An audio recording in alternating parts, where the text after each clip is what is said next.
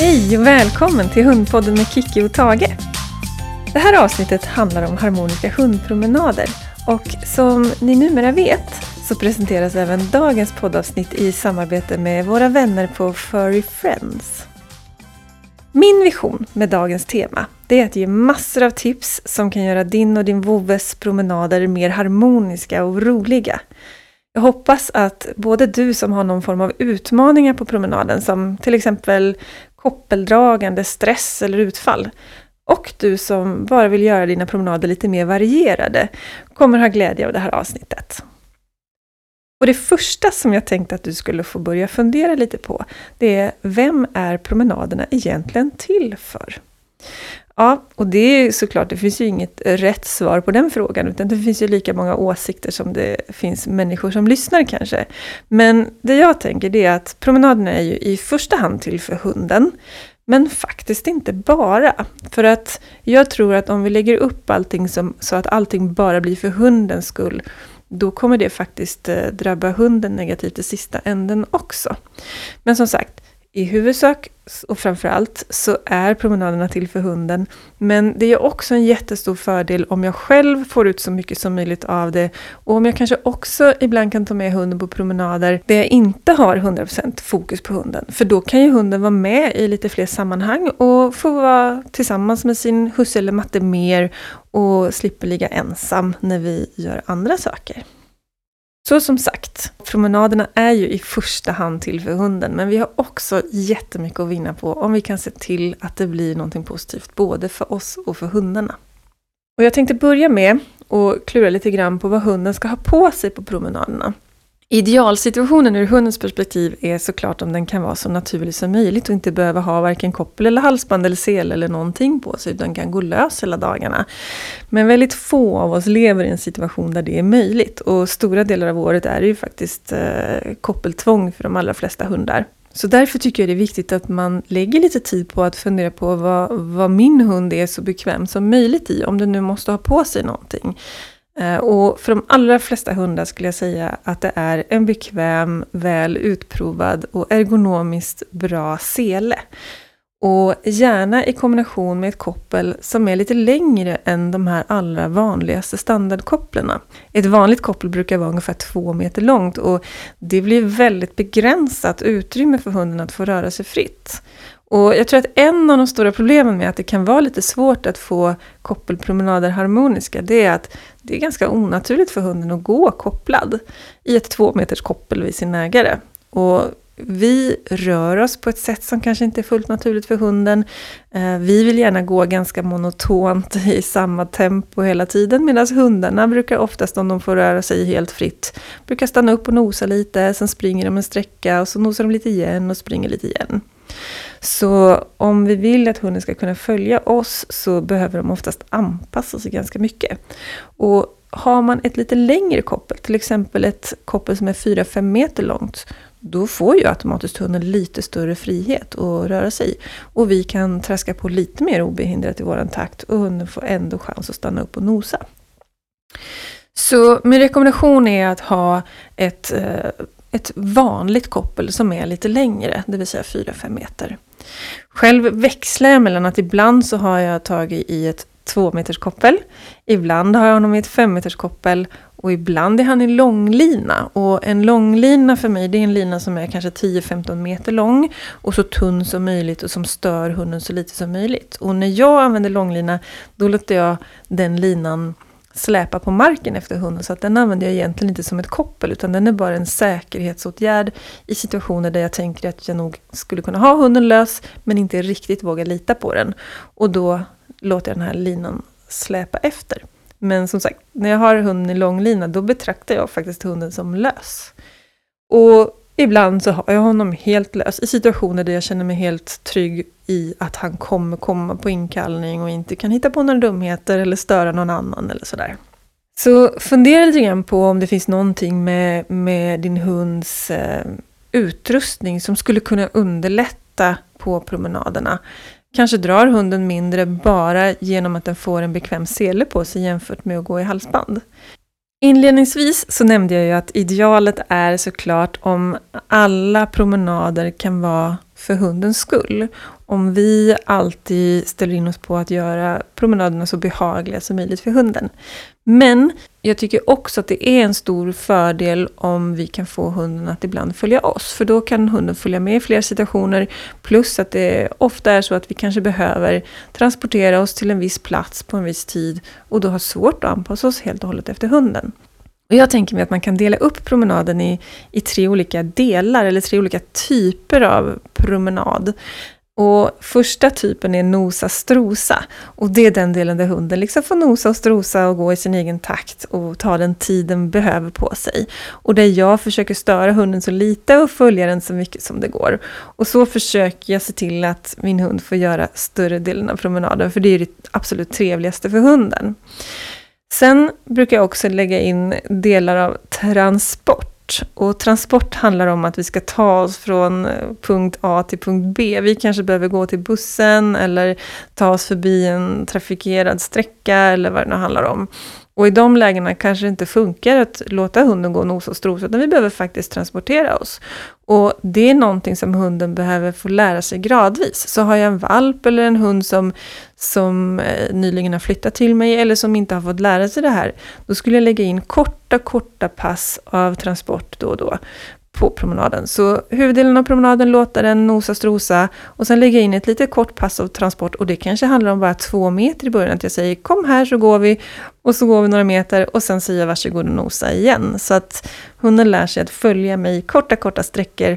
Och belöningen, om det är svårt för hunden att följa med så kan belöningen bli godis eller leksak. Och är det lätt för hunden att följa med då räcker det kanske med beröm och sen att den ultimata belöningen blir varsågod och nosa igen. Jag brukar lägga in ytterligare en typ av promenerande på promenaderna. Och det är att jag tränar och lär hunden att gå fint med fokus på mig. Och det använder jag så korta sträckor som möjligt för att det är ju ingenting som är sådär jättekul för hunden att gå och titta på mig hela tiden. Men det kan vara oerhört användbart när jag ska passera någonting som är lite svårt för hunden att passera. Vi kanske ska gå förbi en annan hund eller gå i en tunnelbanevagn där det är jättetrångt eller vad det nu kan handla om. Och då är det perfekt att ha lärt hunden en signal för att gå fint vid min sida med fokus på mig. Och det är också någonting som jag tränar separat i korta, korta sträckor eh, i början och så småningom förlänger så långt som jag tänker att hunden behöver kunna det. Och skiljer då på de här två sistnämnda, transport kontra gå fint, så tänker jag att transport är fortfarande kanske att hunden ska gå vid min sida, men den behöver inte ha ögonkontakt eller fokus på mig och det behöver inte alls vara lika strikt. Medans eh, gå fint så vill jag verkligen att den ska gå nära vid sidan och ha fullt fokus på mig, eller så mycket fokus som det går. Och Båda börjar jag träna korta, korta sträckor och sen öka på gradvis. Och transportgåendet kan ju oftast öka sträckorna lite snabbare än vad jag kan med gå fint. Eh, och målbilden med transport kanske är att det kan man göra en hel promenad till slut. Och jag använder till exempel transport när jag är ute och joggar med taget. Då får han springa vid min sida. Och då börjar jag med lite nosa och strosa så att han får nosa av sig och kissa av sig. Och sen så kör vi transport, rejäla långa sträckor. Och så kanske jag tar någon paus mitt i där han behöver få kissa av sig och nosa av sig lite igen. Och jag får vila lite. Och sen kör vi transport igen. Däremot gå fint, det kör jag aldrig en hel promenad. Utan det kanske handlar om en 50-100 meter när vi ska passera någonting riktigt svårt. Och genom att jag tänker i de här tre olika delarna så blir det lite tydligare för hunden vad det är vi håller på med. För att ofta så mixar vi lite eh, hejvilt mellan det här och så när hunden står och nosar och strosar så håller vi på att halvtjata lite på hunden och försöker få den att följa med. Och sen följer den med och så ger vi med oss ändå mitt i att den får börja nosa mitt i alltihopa. Och det kan bli lite otydligt för hunden och för oss själva vad det faktiskt är som vi håller på med. Så min rekommendation är att reflektera lite grann över hur man kan få det tydligare vad vi håller på med just nu. Är det hunden som bestämmer takt och tempo? Eller vill jag att hunden ska följa mig just nu? Och är det viktigt att den har väldigt mycket fokus på mig just nu för att vi ska passera någonting? Mm. Det där var lite kring hur man kan tänka på den enskilda promenaden. Hur man kan liksom dela upp en promenad i lite olika typer av gående. Det som också kan vara intressant, det är att fundera lite över olika typer av promenader. För jag tänker, precis som jag var inne på, att olika promenader kan ha olika syfte.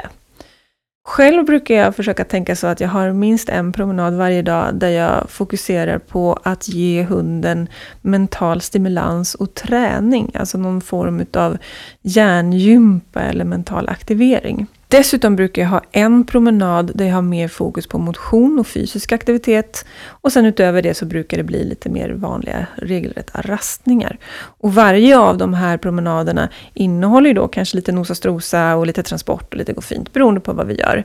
Men att jag också funderar över inriktningen på promenader som sådan det kan ju vara så att du tycker att det är bättre att varva allt det här i samma promenad. Men för mig har det funkat väldigt bra att tänka att jag har lite hu huvudfokus för varje promenad. Då blir det lättare för mig att se till att jag inte glömmer att aktivera Tage mentalt till exempel. Och att jag inte slarvar med själva motionen. Utöver motionspromenader och aktiveringspromenader så brukar jag också ha lite andra typer av promenader. Och den första typen av promenad som jag tänkte tipsa om, det är att göra en följa hunden-promenad. Det är helt enkelt en promenad där du följer hunden. Det blir som att göra en promenad helt och hållet enligt Nosa-Strosa-principen och vara väldigt lyhörd för hundens önskemål och behov och störa den så lite som möjligt. Låt hunden gå ut och upptäcka världen och följ efter och se vart ni hamnar. Försök se världen med hundens ögon och, och det bästa är om ni befinner er i en lagom intressant miljö där hunden är lugnt nyfiken men inte alltför stressad och uppspelt. Följ efter hunden så gott det går och bara mjukbromsa den om det skulle behövas och eventuellt försök styra den lite åt ett annat håll om det är så att ni är på väg mot något helt galet håll. Eh, men i övrigt, försök störa hunden så lite som möjligt. Och visa intresse och nyfikenhet för det som din hund visar nyfikenhet för. Kanske hamnar du på helt nya ställen och nya promenadvägar som du aldrig varit med om innan. Jag vet en gång när jag var ute och gjorde en sån här följa hunden-promenad med Tage, då traskade vi helt ostikad terräng ner mot Mälarens strand, inte så långt från där vi bor. Och när vi kom ner till vattnet så var det en bäver som simmade omkring nere vid vattnet. Och den hade jag aldrig fått chans att upptäcka om det inte vore så att jag hade följt Tage på hans lite vindlande vägar utanför stigarna. Så det är verkligen en promenadtyp som jag varmt kan rekommendera att göra då och då. Att försöka följa med och upptäcka världen med hundens ögon. Ni kommer få se så mycket spännande. Och det är väldigt berikande både för hunden och för oss människor. Nästa typ av promenad som jag rekommenderar är då de här aktiveringspromenaderna, eller mer, där jag lägger mer fokus på mental stimulans och hjärngympa. Och jag brukar dela in hjärngympa i fyra olika områden. Allting som har med balanskroppskontroll att göra, eller nosövningar, eller inlärning, eller problemlösning. Det är bra mental stimulans. Och när man är ute på promenad så är det suveränt att använda sig av allting som man ser runt omkring sig i naturen och försöka inspireras av det för att kunna aktivera hunden mentalt. Och dels är ju skogen eller stan eller vilken miljö man än befinner sig i så brukar det finnas alla tänkbara möjligheter till övningar som har med balans och kroppskontroll att göra. Är man i skogen så kan man låta hunden hoppa upp på stenar och stubbar och stockar. Och man kan också låta hunden krypa under stockar och man kan låta den sätta tassar mot träd. Och det finns massor av bra saker man kan göra när det gäller balansövningar. Men även om man promenerar mer i stadsmiljö så brukar det finnas parkbänkar och Eh, olika, kanske ett litet elskåp eller någon mur eller någonting som man kan låta hunden hoppa upp på. Det man ska tänka på hela tiden när det gäller balans och kroppskontroll, det är att man tänker på säkerheten i första hand, så att man inte lockar upp hunden på någonting där den kan ramla ner och göra illa sig, eller fastna i eller någonting sånt. Eh, men det är en typ av övningar man kan göra. Det är också fantastiskt bra att aktivera hundens nos under promenaden. Och eh, enklaste formen av nosaktivering är ju godissök och även det går att variera i all oändlighet. Beroende på var man kastar ut godiset så blir det olika lätt eller svårt beroende på situationen. Och eh, en klassiker är ju att kasta ut godisbiten i gräs eller i blåbärsris eller någonting annat som, som gör att hunden får anstränga sig lite hårdare än om den bara hamnar på asfalt eller en grusväg. Det man också kan göra är att gömma godisbitar i trädstammen på ett träd som har lite så skrovlig bark. Då kan man sätta godisbitarna på trädets stam. Och då blir det också lite balans och kroppskontroll faktiskt utöver den övningen. För då måste hunden stå på bakbenen för att nå upp och hitta de här godisbitarna. Och framförallt så blir det lite variation så att man gör lite roligare för hunden och också ser till att hunden hela tiden fortsätter utvecklas. Ytterligare en variant på godissök, det är om man har en eh, sjö eller så i närheten. Då kan man använda flytande godisbitar. Många av de här frystorkade godisbitarna till exempel, de flyter i vatten och även många hundmatsbitar. Då kan man sprida ut lite sådana i vattenbrynet och så får hunden söka godis i vatten. Och det kan vara jättebra aktivering, dels om det är lite varmt ute, men också om man har en hund som är lite rädd för vatten, som Tage har varit, då kan man låta honom söka godis i vattenkanten så vänjer han sig sakta men säkert vid vattnet. Ytterligare en nosövning som kan vara kul att göra på promenaden är att man tar upp en kott kotte eller pinne och håller den i handen en stund. Och sen när den har fått doft av dig så släpper du den bland andra liknande kottar och pinnar. Och så ber du hunden söka rätt på den. Och så fort hunden sätter nosen mot rätt kott eller pinne så belönar du massor med godis.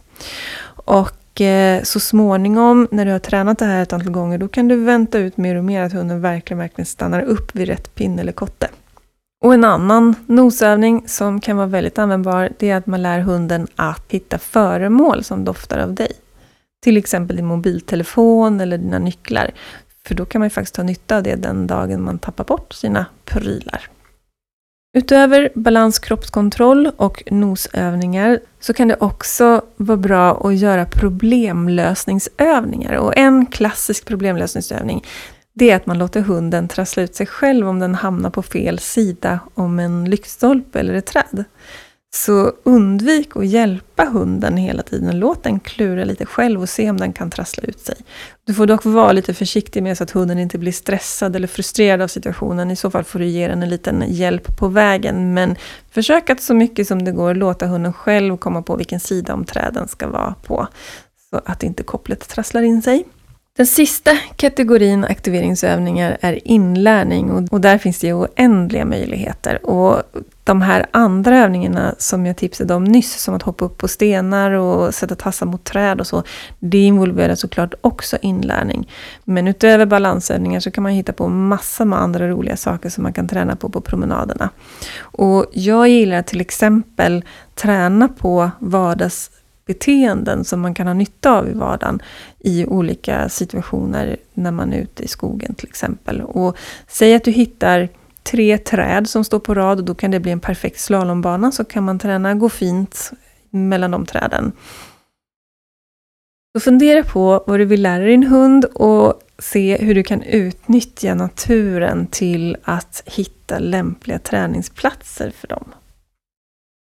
En bra grej med de här aktiveringspromenaderna är att man brukar få bort lite grann fokus från det här med dragande i koppel. Hunden brukar bli mer intresserad av vad du håller på med för att en stor del, eller en stor anledning till att många hundar drar i koppel är att vi blir ganska tråkiga när vi har hunden i koppel. Har vi hunden lös så tvingas vi vara roligare och behålla hundens uppmärksamhet på olika sätt. Men när vi sätter på kopplet så blir vi oftast ganska tråkiga och bara hänger med där bak. Men genom att göra den här typen av aktiveringspromenader så blir vi lite roligare och intressantare för hunden. Och hunden lär sig att det kan löna sig att hålla lite koll på oss och då brukar de faktiskt också dra mindre i kopplet. Så bara det, att göra aktiveringspromenader då och då, kan göra att man får en hund som drar avsevärt mindre i koppel. Som ni kanske redan vet så sitter jag som expertmedlem i Furry Friends expertpanel. Jag hjälper Furry Friends kunder i deras community med att en gång i månaden skriva blogginlägg med olika tips och tricks samt att vi även har frågestunder, även de här är en gång i månaden. Och på temat harmoniska hundpromenader så kommer vi den här veckan att på Furry Friends Instagram och Facebook-konton erbjuda några bra tips och tricks i videoformat. Så in och följ Furry Friends nu om ni inte redan gjort det, så kommer ni kunna ta del av de filmsnuttarna. Vi ses i flödet! Mm, nu har vi pratat om två olika typer av promenader. Följa hunden-promenader, där vi låter hunden upptäcka världen och vi följer med dem och ser vad de hittar på. Och sen aktiveringspromenader, där vi aktiverar hunden, det vill säga vi hittar på roliga saker som ger hunden bra mental stimulans och som gör att vi blir lite intressantare för hunden under promenaderna. Nästa kategori av promenad är motionspromenader och det där är lite olika från hund till hund och person till person hur man vill ha det och vad som funkar bra. Men jag kan tycka dels så Tage är ju en beagle som är en jakthund som är avlad för att både jobba mycket mentalt, framförallt med nosen, men också behöver ganska mycket motion. Och för att få till den här motionsmässiga delen så brukar jag försöka rikta in mig på en promenad om dagen som är liksom fokus på motionen. Även på den promenaden lägger jag in lite nosa strosa och kanske även eh, en del aktiveringar. Men huvudfokus ligger på motionen. Och det där är också lite grann för att jag själv ska få den motion som jag behöver. Jag vill ibland ut på en rask promenad eller joggingrunda och då vill jag ju självklart att Tage ska kunna följa med. Och för att komma till att det ska funka bra med den typen av promenader, då behöver man träna på den här motionsdelen också, eller transportdelen. Det handlar ju egentligen om att de ska klara av det här som jag kallar för transport. Att de ska klara det större delen av en promenad. Och i början så kanske inte går ut på en rask promenad där vi går raskt hela tiden, utan då börjar jag med nosa strosa och så tar vi ett litet raskt parti och sen så nosa strosa igen och ett litet raskt parti. Och så varvar jag det där och sakta men säkert bygger jag på tills det funkar att gå en hel promenad i raskt tempo. Och man kan ju också fundera på där om man vill antingen att hunden ska gå i slakt koppel bredvid mig, vid min sida. Och då måste jag ju belöna och förstärka upp det beteendet så att hunden klarar det. Eller om jag kanske till och med vill att hunden ska dra mig på promenaden eller joggingrundan.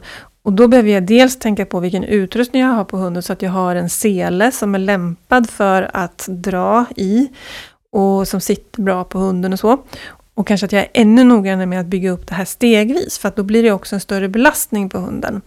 Jag själv som har en hund som har lite känsliga leder har valt att inte låta honom dra, för att jag har tänkt att han istället ska gå så fritt som möjligt. Och då har jag lagt mycket fokus på att han ska klara att gå de här transportsträckorna och de här motionspromenaderna utan att dra i koppel. Så att jag har lagt jättemycket fokus på att träna honom att gå i slakt koppel.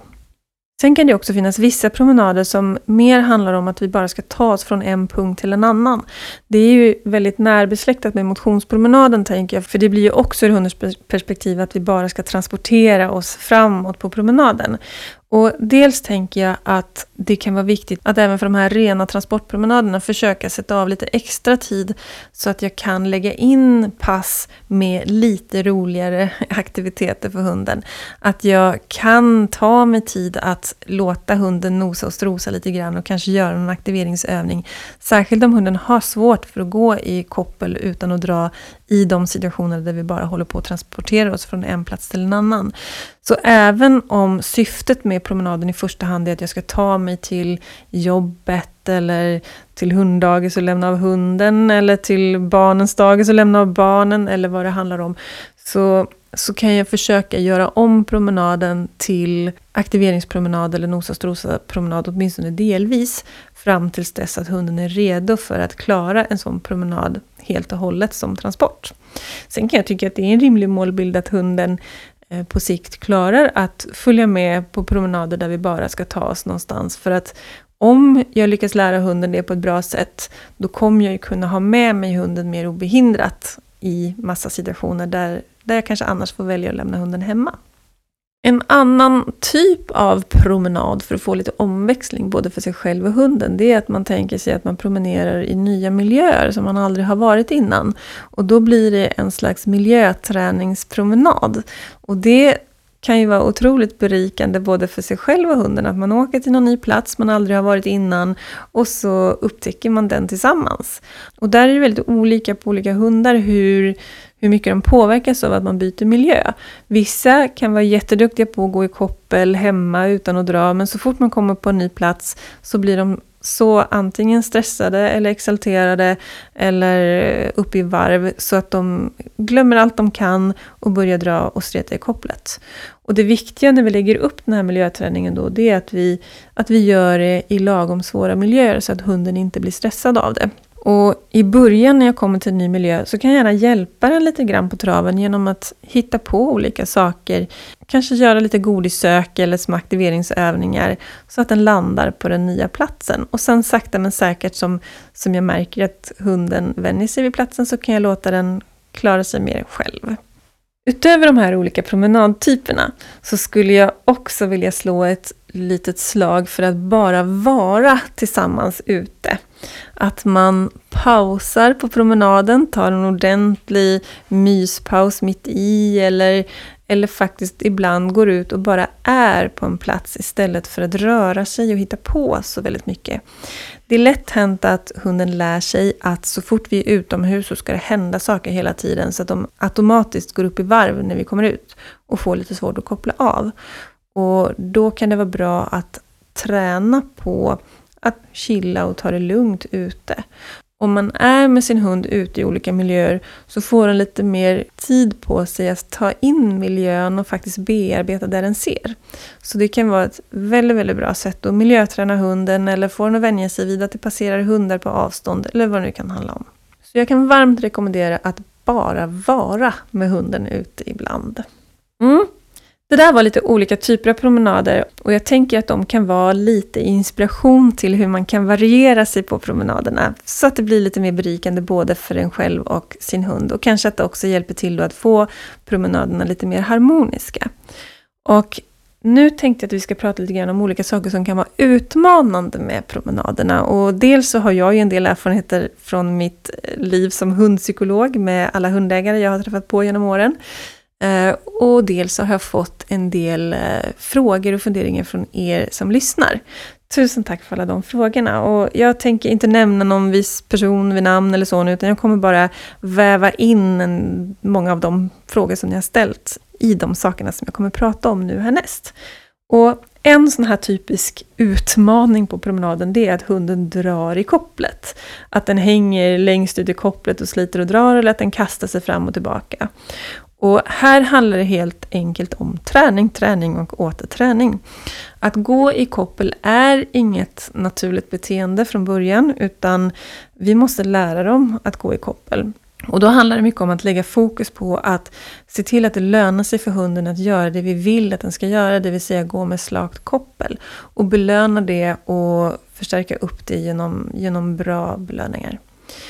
Och det man kan tänka på är att man börjar enkelt och tyvärr kan det vara så att vanliga vardagen är för svår för hundarna att börja träna i. Så att man kan till och med behöva börja träna inomhus tills hunden har förstått konceptet av att följa dig i slakt koppel. Och eh, när det funkar inne så kanske man kan börja lite enklare eh, störningsfria miljöer utomhus och sen så småningom svårare och svårare. Ett annat bra tips kan vara att man varvar med aktiveringsövningar som jag var inne på där i aktiveringspromenaden. Att man går några meter, gör en aktiveringsövning, sen går man några meter med slagkoppel och gör en aktiveringsövning igen. Så att det hela tiden blir små roliga pauser och att koppelsträckorna eller promenadsträckorna blir mer som en liten transport mellan olika aktiveringsstationer snarare än att vi bara raskar på framåt på promenaden. För så fort vi eh, traskar på framåt så kommer det bli ökad risk att hunden hänger längst fram och drar kopplet. Ett ytterligare tips kan vara att låta hunden rusa av sig eller att aktivera hunden med till exempel godissök innan man går sin promenad. Är man lyckligt lottad och har en trädgård till exempel så kanske hunden kan springa av sig lite där innan man går ut på sin promenad så att den har fått ur sig det värsta springet i benen och då kan det gå lite lättare på promenaden. Det finns massor man kan säga om koppelgående och att lära hunden att gå i slakt i koppel. Men det finns ett avsnitt om koppelgående i Hundpodden med Kiki och Fanny. Så sök rätt på den podden om ni inte har lyssnat på den innan och lyssna igenom koppelavsnittet som är ett av de första i den podden. Så kommer ni få massor med olika tips på hur ni kan träna hunden i att gå i koppel utan att dra. En annan utmaning kan vara att hunden inte vill gå på promenad eller att den går väldigt långsamt eller stannar upp i olika situationer och vägrar gå. Och dels så skulle jag verkligen börja fundera på varför det är så här. Om det är en valp så skulle jag bara ge det lite tid. De flesta valpar när de är små, de är helst hemma i hemmets trygga vrå och håller sig i trädgården eller i närområdet. Och det är väldigt, väldigt vanligt att valpar inte vill gå ut på några längre promenader. Och då skulle jag bara låta den vara i sin trygga närmiljö i början och sen så småningom så kommer den få mer och mer upptäckarlusta. Men om det gäller en vuxen hund, då skulle jag faktiskt fundera på om den har någon fysisk åkomma, om den kanske har ont någonstans, eller om den är rädd eller osäker, eller om det finns någon slags förklaring till varför den inte vill gå. Eh, det är väldigt viktigt att hitta orsaken så att vi inte bara försöker lösa själva symptomet, det vill säga att den inte vill gå. För min erfarenhet är att de allra flesta hundar de vill gå på promenad och vill de inte det, då finns det någonting där som vi behöver hantera. Däremot om problemen inte är så stora utan det bara är att den inte tycker det är jättekul att gå på promenad, då kan man ju prova att hitta på små roliga aktiviteter på promenaden och helt enkelt göra promenaderna roligare. Och att man väljer de runder som hunden tycker bäst om och de tider på dygnet som hunden tycker bäst om. Och då kommer man troligtvis att vända det här ganska så snabbt. Men om det inte går över, som sagt, då skulle jag undersöka om det är någonting som, som ligger till grund för det här. En annan aspekt kan ju vara, som jag fick någon fråga om här på Instagram, det är att om hunden av envishet lägger sig ner och vägrar gå för att man inte går åt det håll den vill. Man kanske har tänkt sig att man ska gå en liten kortare runda idag, hunden vill absolut gå den långa rundan och då lägger sig och vägrar gå åt det håll jag har tänkt. I sådana lägen, Eh, om jag känner mig trygg i att det faktiskt är att hunden bara vill gå åt ett annat håll, då får man fatta ett beslut. Antingen så låter man hunden få som den vill, att jag faktiskt går med på den långa rundan, för att den, den är ju ganska duktig i det läget tycker jag, som signalerar så tydligt vad den faktiskt vill och behöver. Sen är det inte alltid som jag kan göra som hunden vill i de lägena. Och då handlar det lite grann om att försöka vara lite smartare än hunden i det läget och lirka lite med den. Och kanske locka med någonting roligt eller eh, gå lite åt hundens håll och sen vända av och gå hemåt igen så att man ändå får, hunden får lite som den vill och så gör vi lite som jag vill så att det blir någon slags kompromiss. Men jag skulle helt enkelt varva mellan att ibland låta hunden få som den vill och ibland så försöker jag bara lugnt och envist överlista hunden och få med den dit jag vill och då belöna massor när den gör det. Så att den känner att det lönade sig att göra så som jag ville att den skulle göra. En annan utmaning kan ju vara att hunden går upp i stress på promenaden. Och eh, dels kan det vara viktigt att ta reda på vad det är som stressar hunden och om man kan göra olika åtgärder för att få ner hunden i stress generellt. Men när vi, om vi tänker på just själva promenaden, då skulle jag börja med att bygga en liten trygghetsrunda för hunden. Jag rekommenderar att man går samma runda varje dag, så att hunden vänjer sig vid just den rundan. Och börja med en runda som den är så trygg som möjligt i. Den rundan som hunden stressar upp sig minst på skulle jag börja med att försöka få hunden helt trygg i. Och första gången som du går de här rundorna så rekommenderar jag att du aktiverar hunden ganska regelbundet. Gör små godissök, hoppa upp på stenar, sätt tassar på träd, gör små tricks som hunden tycker om. Så att försöka avleda hunden från det som eventuellt jagar igång den. Och särskilt godissök är en väldigt bra grej att använda för att då går de också ner i varv. Att söka efter godis har lugnande effekt på hunden. När det funkar bra att aktivera hunden tätt på den här rundan, då skulle jag börja glesa ut, ha lite längre transportsträckor mellan rundorna och fokusera på att få hunden att gå lugnt och harmoniskt mellan de olika små aktivitetsstationerna. Och sen sakta men säkert glesa ur så att jag kanske kan gå hela den här rundan till slut utan att hunden stressar upp sig. Och när jag har kommit så långt, då kan jag börja utöka med en ny liten eh, snutt som jag lägger till till den här rundan. Och då aktiverar jag tätt på den delen av rundan. Och sen glesar jag ur och gör likadant där tills även den har blivit involverad i min trygghetsrunda. Och när det funkar på den rundan så kanske jag kan hitta en ny runda och en ny och en ny och till slut så börjar hunden generalisera och kan vara lugn och trygg på alla typer av runder. Så det kan vara ett sätt att angripa själva promenaderna, men som sagt, om hunden är stressad på promenaden så behöver den oftast andra åtgärder också, så att där kan det vara bra att söka hjälp av en hundpsykolog. Jag har fått några stycken frågor om hundar som går upp i stress i hundmöten. Och det kan ju antingen vara att hunden är överexalterad och absolut vill fram och hälsa på den mötande hunden. Eller att den inte alls vill fram och blir upprörd och kanske aggressiv eller gör utfall. Hundmöten har vi också ett helt eget avsnitt om i Hundpodden med Kiki och Fanny. Så egentligen är min rekommendation att lyssna på det avsnittet i första hand. Ehm, men ska man säga några korta ord om hundmöten så handlar det mycket om att träna i lagom stora steg. Att börja med att lära hunden att klara av att se hundar på väldigt långt håll. Och sen sakta men säkert klara av hundar på allt närmare avstånd. Och det finns lite olika metoder man kan använda och ett sätt om man inte har allt för stora problem med hundmöten kan vara att lära hunden att gå fint förbi en mötande hund.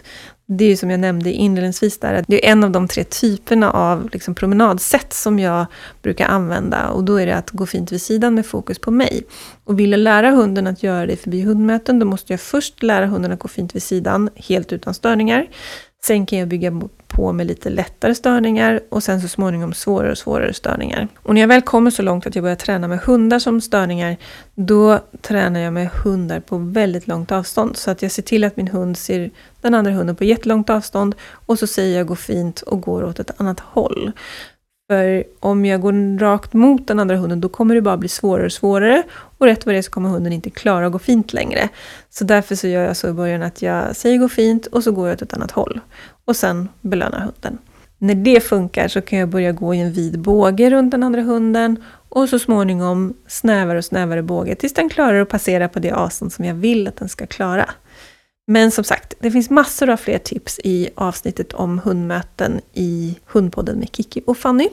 Ytterligare ett par frågor jag fått är om hundar som jagar fåglar, kaniner, skuggor med mera på promenaderna. Det är ytterligare olika saker som kan stressa eller jaga igång hunden. Och när det gäller det här med jaktinstinkt så kan en, en del i det hela vara att se till att de får utlopp för sitt behov av att jaga. Och då gör man ju det under kontrollerade former, så det kan vara olika typer av eh, sökövningar eller spårövningar eller saker som kanaliserar jaktlusten åt ett håll som vi tycker känns okej. Okay. Sen utöver det så ska man träna dem åter. Det är ungefär samma som med hundmötesträningen, att försöka hitta lagom svåra träningssituationer, det vill säga träningssituationer som de klarar av att träna i och där de är mottagliga för någon form av träning. Och då handlar det ofta om att de är på långt håll eller att de bara känner lite doft eller får lite synretning av det som de går igång på. Och även antijakt och jaktkontroll har vi ett helt separat avsnitt om i Hundpodden med Kiki och Fanny, så att där kan jag återigen tipsa om att leta bland, bland de avsnitten och lyssna på det. Ytterligare en fråga som jag har fått är hur man ska tänka om man går med flera hundar i grupp. Och eh, här handlade frågan om att det kan vara lite svårt att nå fram till hunden när den går tillsammans med sina, sina kompisar. Och då handlar det mycket om att sänka ribban och träna på enkla saker. Kanske göra små, små enkla kontaktövningar eller enkla små aktiveringsövningar och sen låta hunden gå tillbaka och hänga med sitt gäng igen. Och när man har gjort det tillräckligt många gånger, då kommer hunden tycka att du är allt roligare och så kommer det gå lättare och lättare. Och ett bra tips kan också vara att man tränar mycket separat med en hund, även om den brukar gå i grupp. Så att man tränar enskilt, en i taget. Och sen sakta men säkert väger in att man ibland tränar även då med de andra hundarna närvarande. Och när man har alla hundarna i grupp så kan man ändå träna med en i taget och gärna använda namnet, att man säger namnet på den man tränar med just då. Och så gör man en liten övning och belönar den. Och sen så tränar man med nästa hund och gör en liten övning och belönar den. Så växla mellan de olika hundarna och gör det lite enklare än vad du skulle gjort om du är själv med hunden. Den sista frågan som vi har fått in handlar om en hund som skäller på vissa människor på promenaden. Inte på alla människor, men på människor som hunden tycker beter sig lite annorlunda eller konstigt i hundens värld. Och skällande har vi också ett helt avsnitt om i Hundpodden med Kiki och Fanny. Men ett tips som jag kan ge redan här det är att försöka hinna in innan de börjar skälla och belöna det lilla ögonblicket. Man brukar se på hunden att den är på väg att skälla och kan man då nå in med en belöning så, så kan man dels lyckas belöna att hunden är tyst i en situation där den skulle ha skällt. Och oftast så lyckas man då avbryta så att hunden inte börjar skälla. Och det allra bästa är om man belönar med ett godissök. Då blir det också lite avledande effekt av belöningen. Och då minskar risken att den går igång i nästa steg och börjar skälla efter att den har tagit sin godisbit.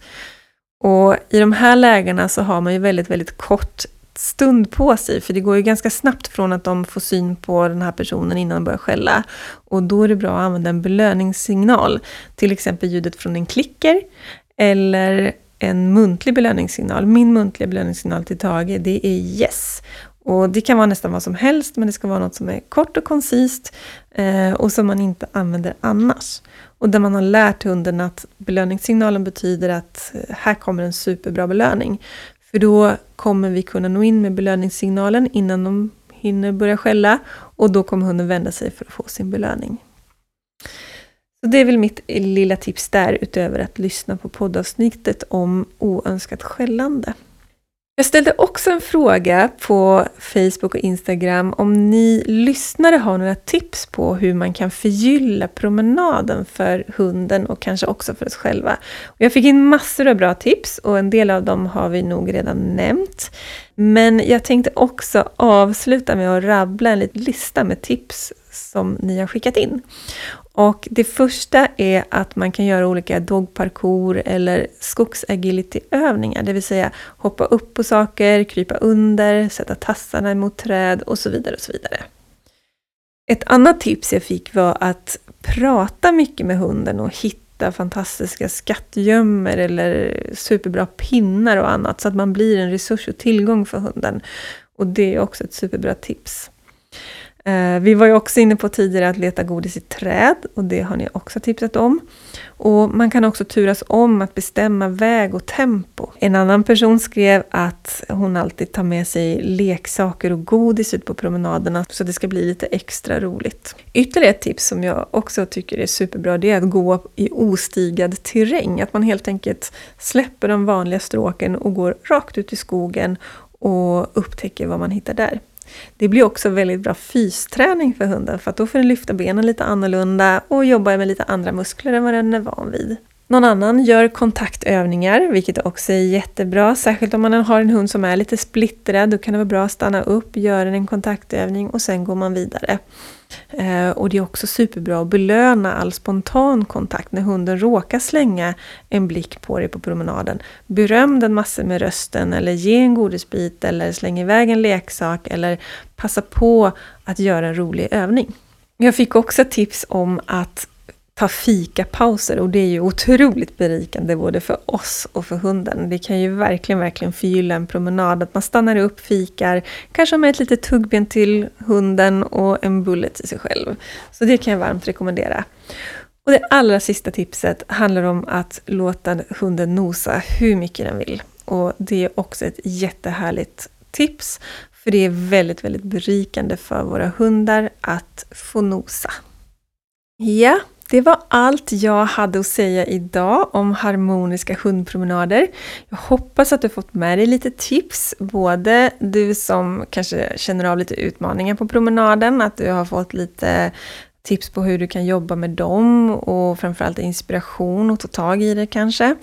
Eh, men också förhoppningsvis lite tips till dig som, som inte har några utmaningar på promenaden men som vill ha lite inspiration för att göra promenaderna lite mer varierade och, och innehållsrika. Så ut och ha en riktigt härlig promenad nu i höstvädret med din hund. Innan vi rundar av det här avsnittet så vill jag tipsa om att du kan följa oss på sociala medier. Både jag och Hundpodden finns på Facebook och på Instagram. Sök på Kiki Felstenius och på Hundpodden med Kiki och Tage så hittar du oss. På mitt eget konto så får du följa mig i min vardag som hundpsykolog och jag delar med mig av tips och råd och inspiration. Och på Hundpoddens konto så hittar du bilder på våra gäster, får följa med in bakom kulisserna och en massa annat.